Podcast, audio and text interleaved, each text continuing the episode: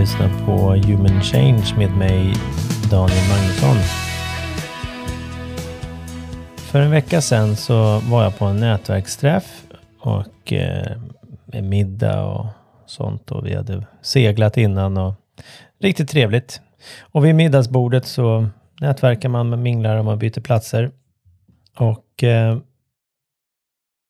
första bordet som jag satte mig ner där vi skulle äta förrätten så var det en kvinna som frågade mig Vem är du? Och jag, jag var lite tagen av den frågan för den är inte så vanlig att få. Och jag kanske varit mer tagen utifrån att jag tänkte på ett större perspektiv än kanske det perspektivet jag hade svarat från tidigare. Tidigare hade jag förmodligen sagt, ja men jag är Daniel Magnusson, jag jobbar med det här och det här, jag är coach och hjälper ledare, chefer, ja bla bla. Så. Eh, men det är ju inte vem jag är. Och jag sa så här, ja. Vad kul att du frågar på det sättet.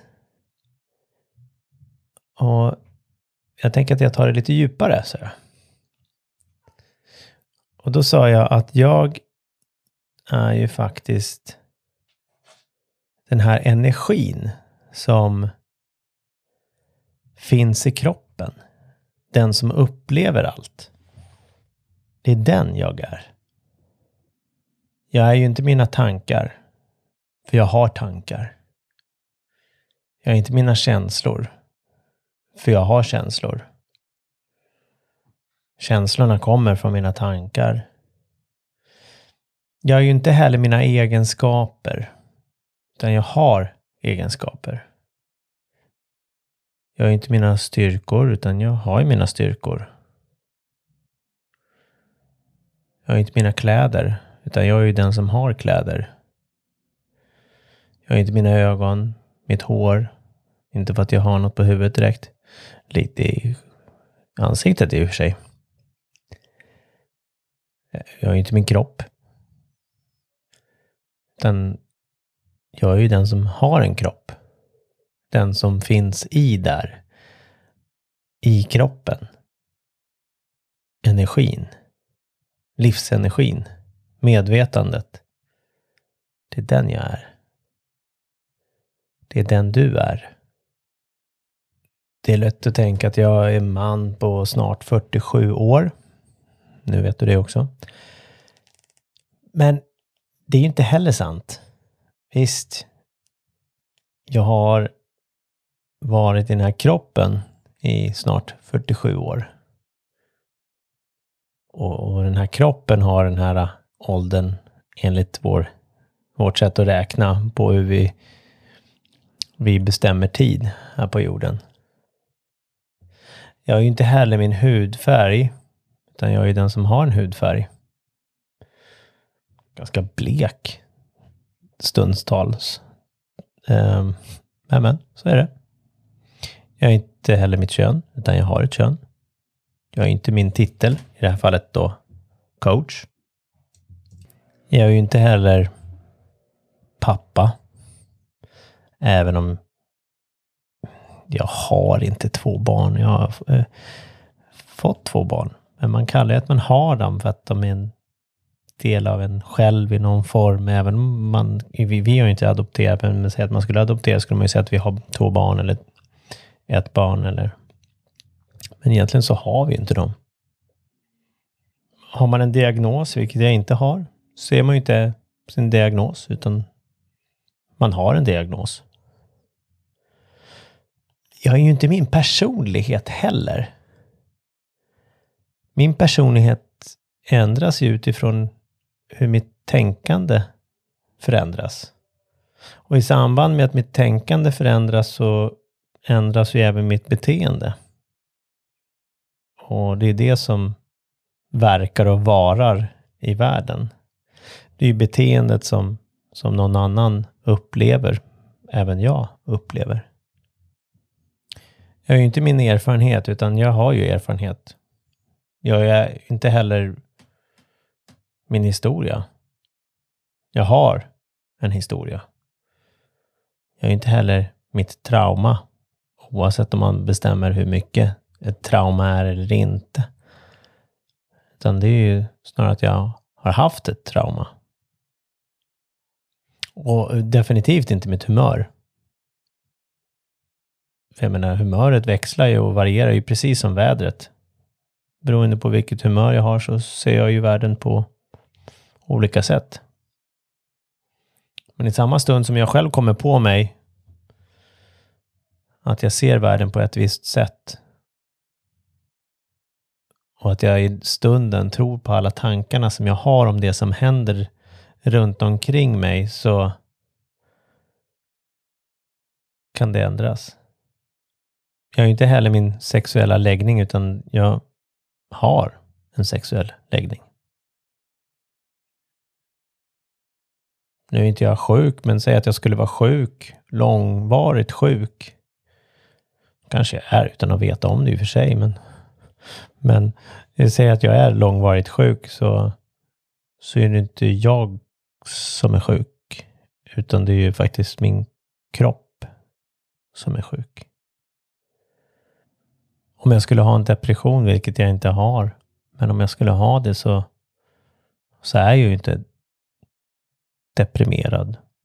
Utan jag har egentligen ett deprimerande tänkande som sedan manifesteras i, i mitt sätt att vara och se och, och verka och uppleva världen.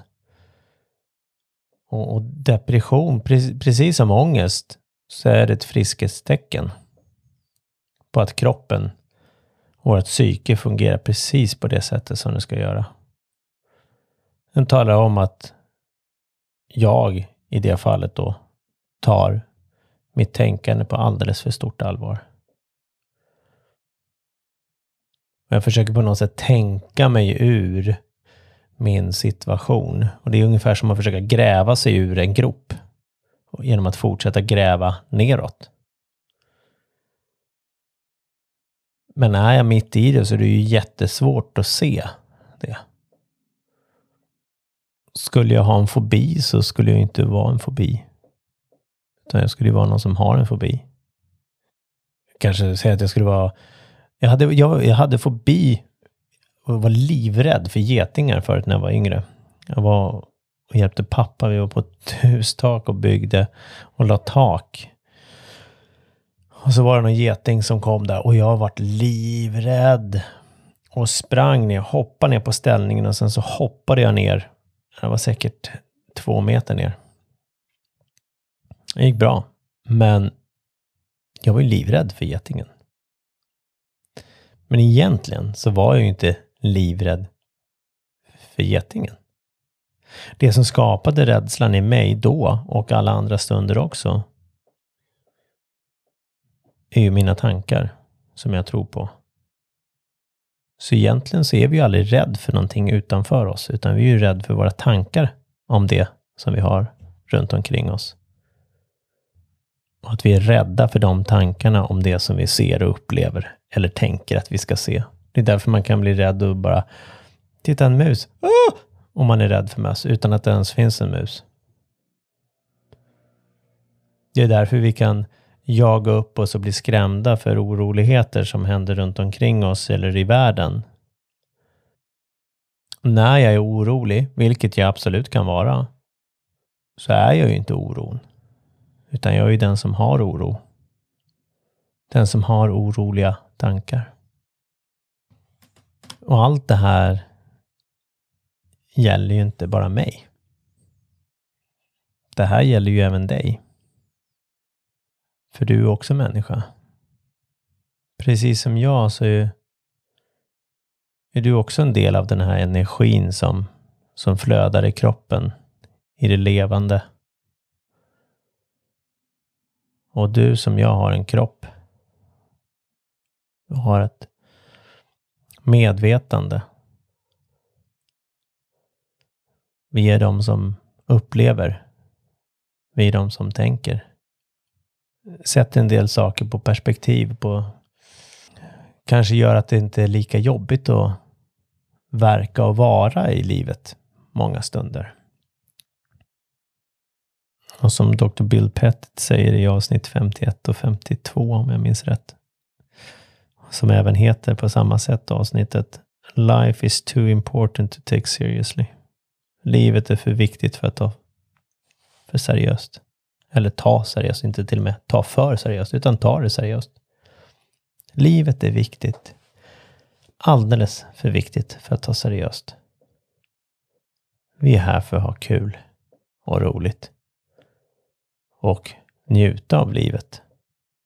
Betyder inte att vi inte ska ta ansvar eller betyder inte att vi kan stöta på utmaningar. Absolut inte. Men hur vi möter upp och är kan vi styra över.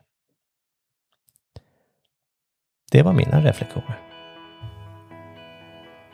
Tack för att du har lyssnat på det här avsnittet. Är det så att du uppskattar den här podcasten så får du självklart dela den vidare till dem du tänker kan ha ett behov av att lyssna på den. Det finns också en möjlighet för dig att skicka ett meddelande, ett röstmeddelande.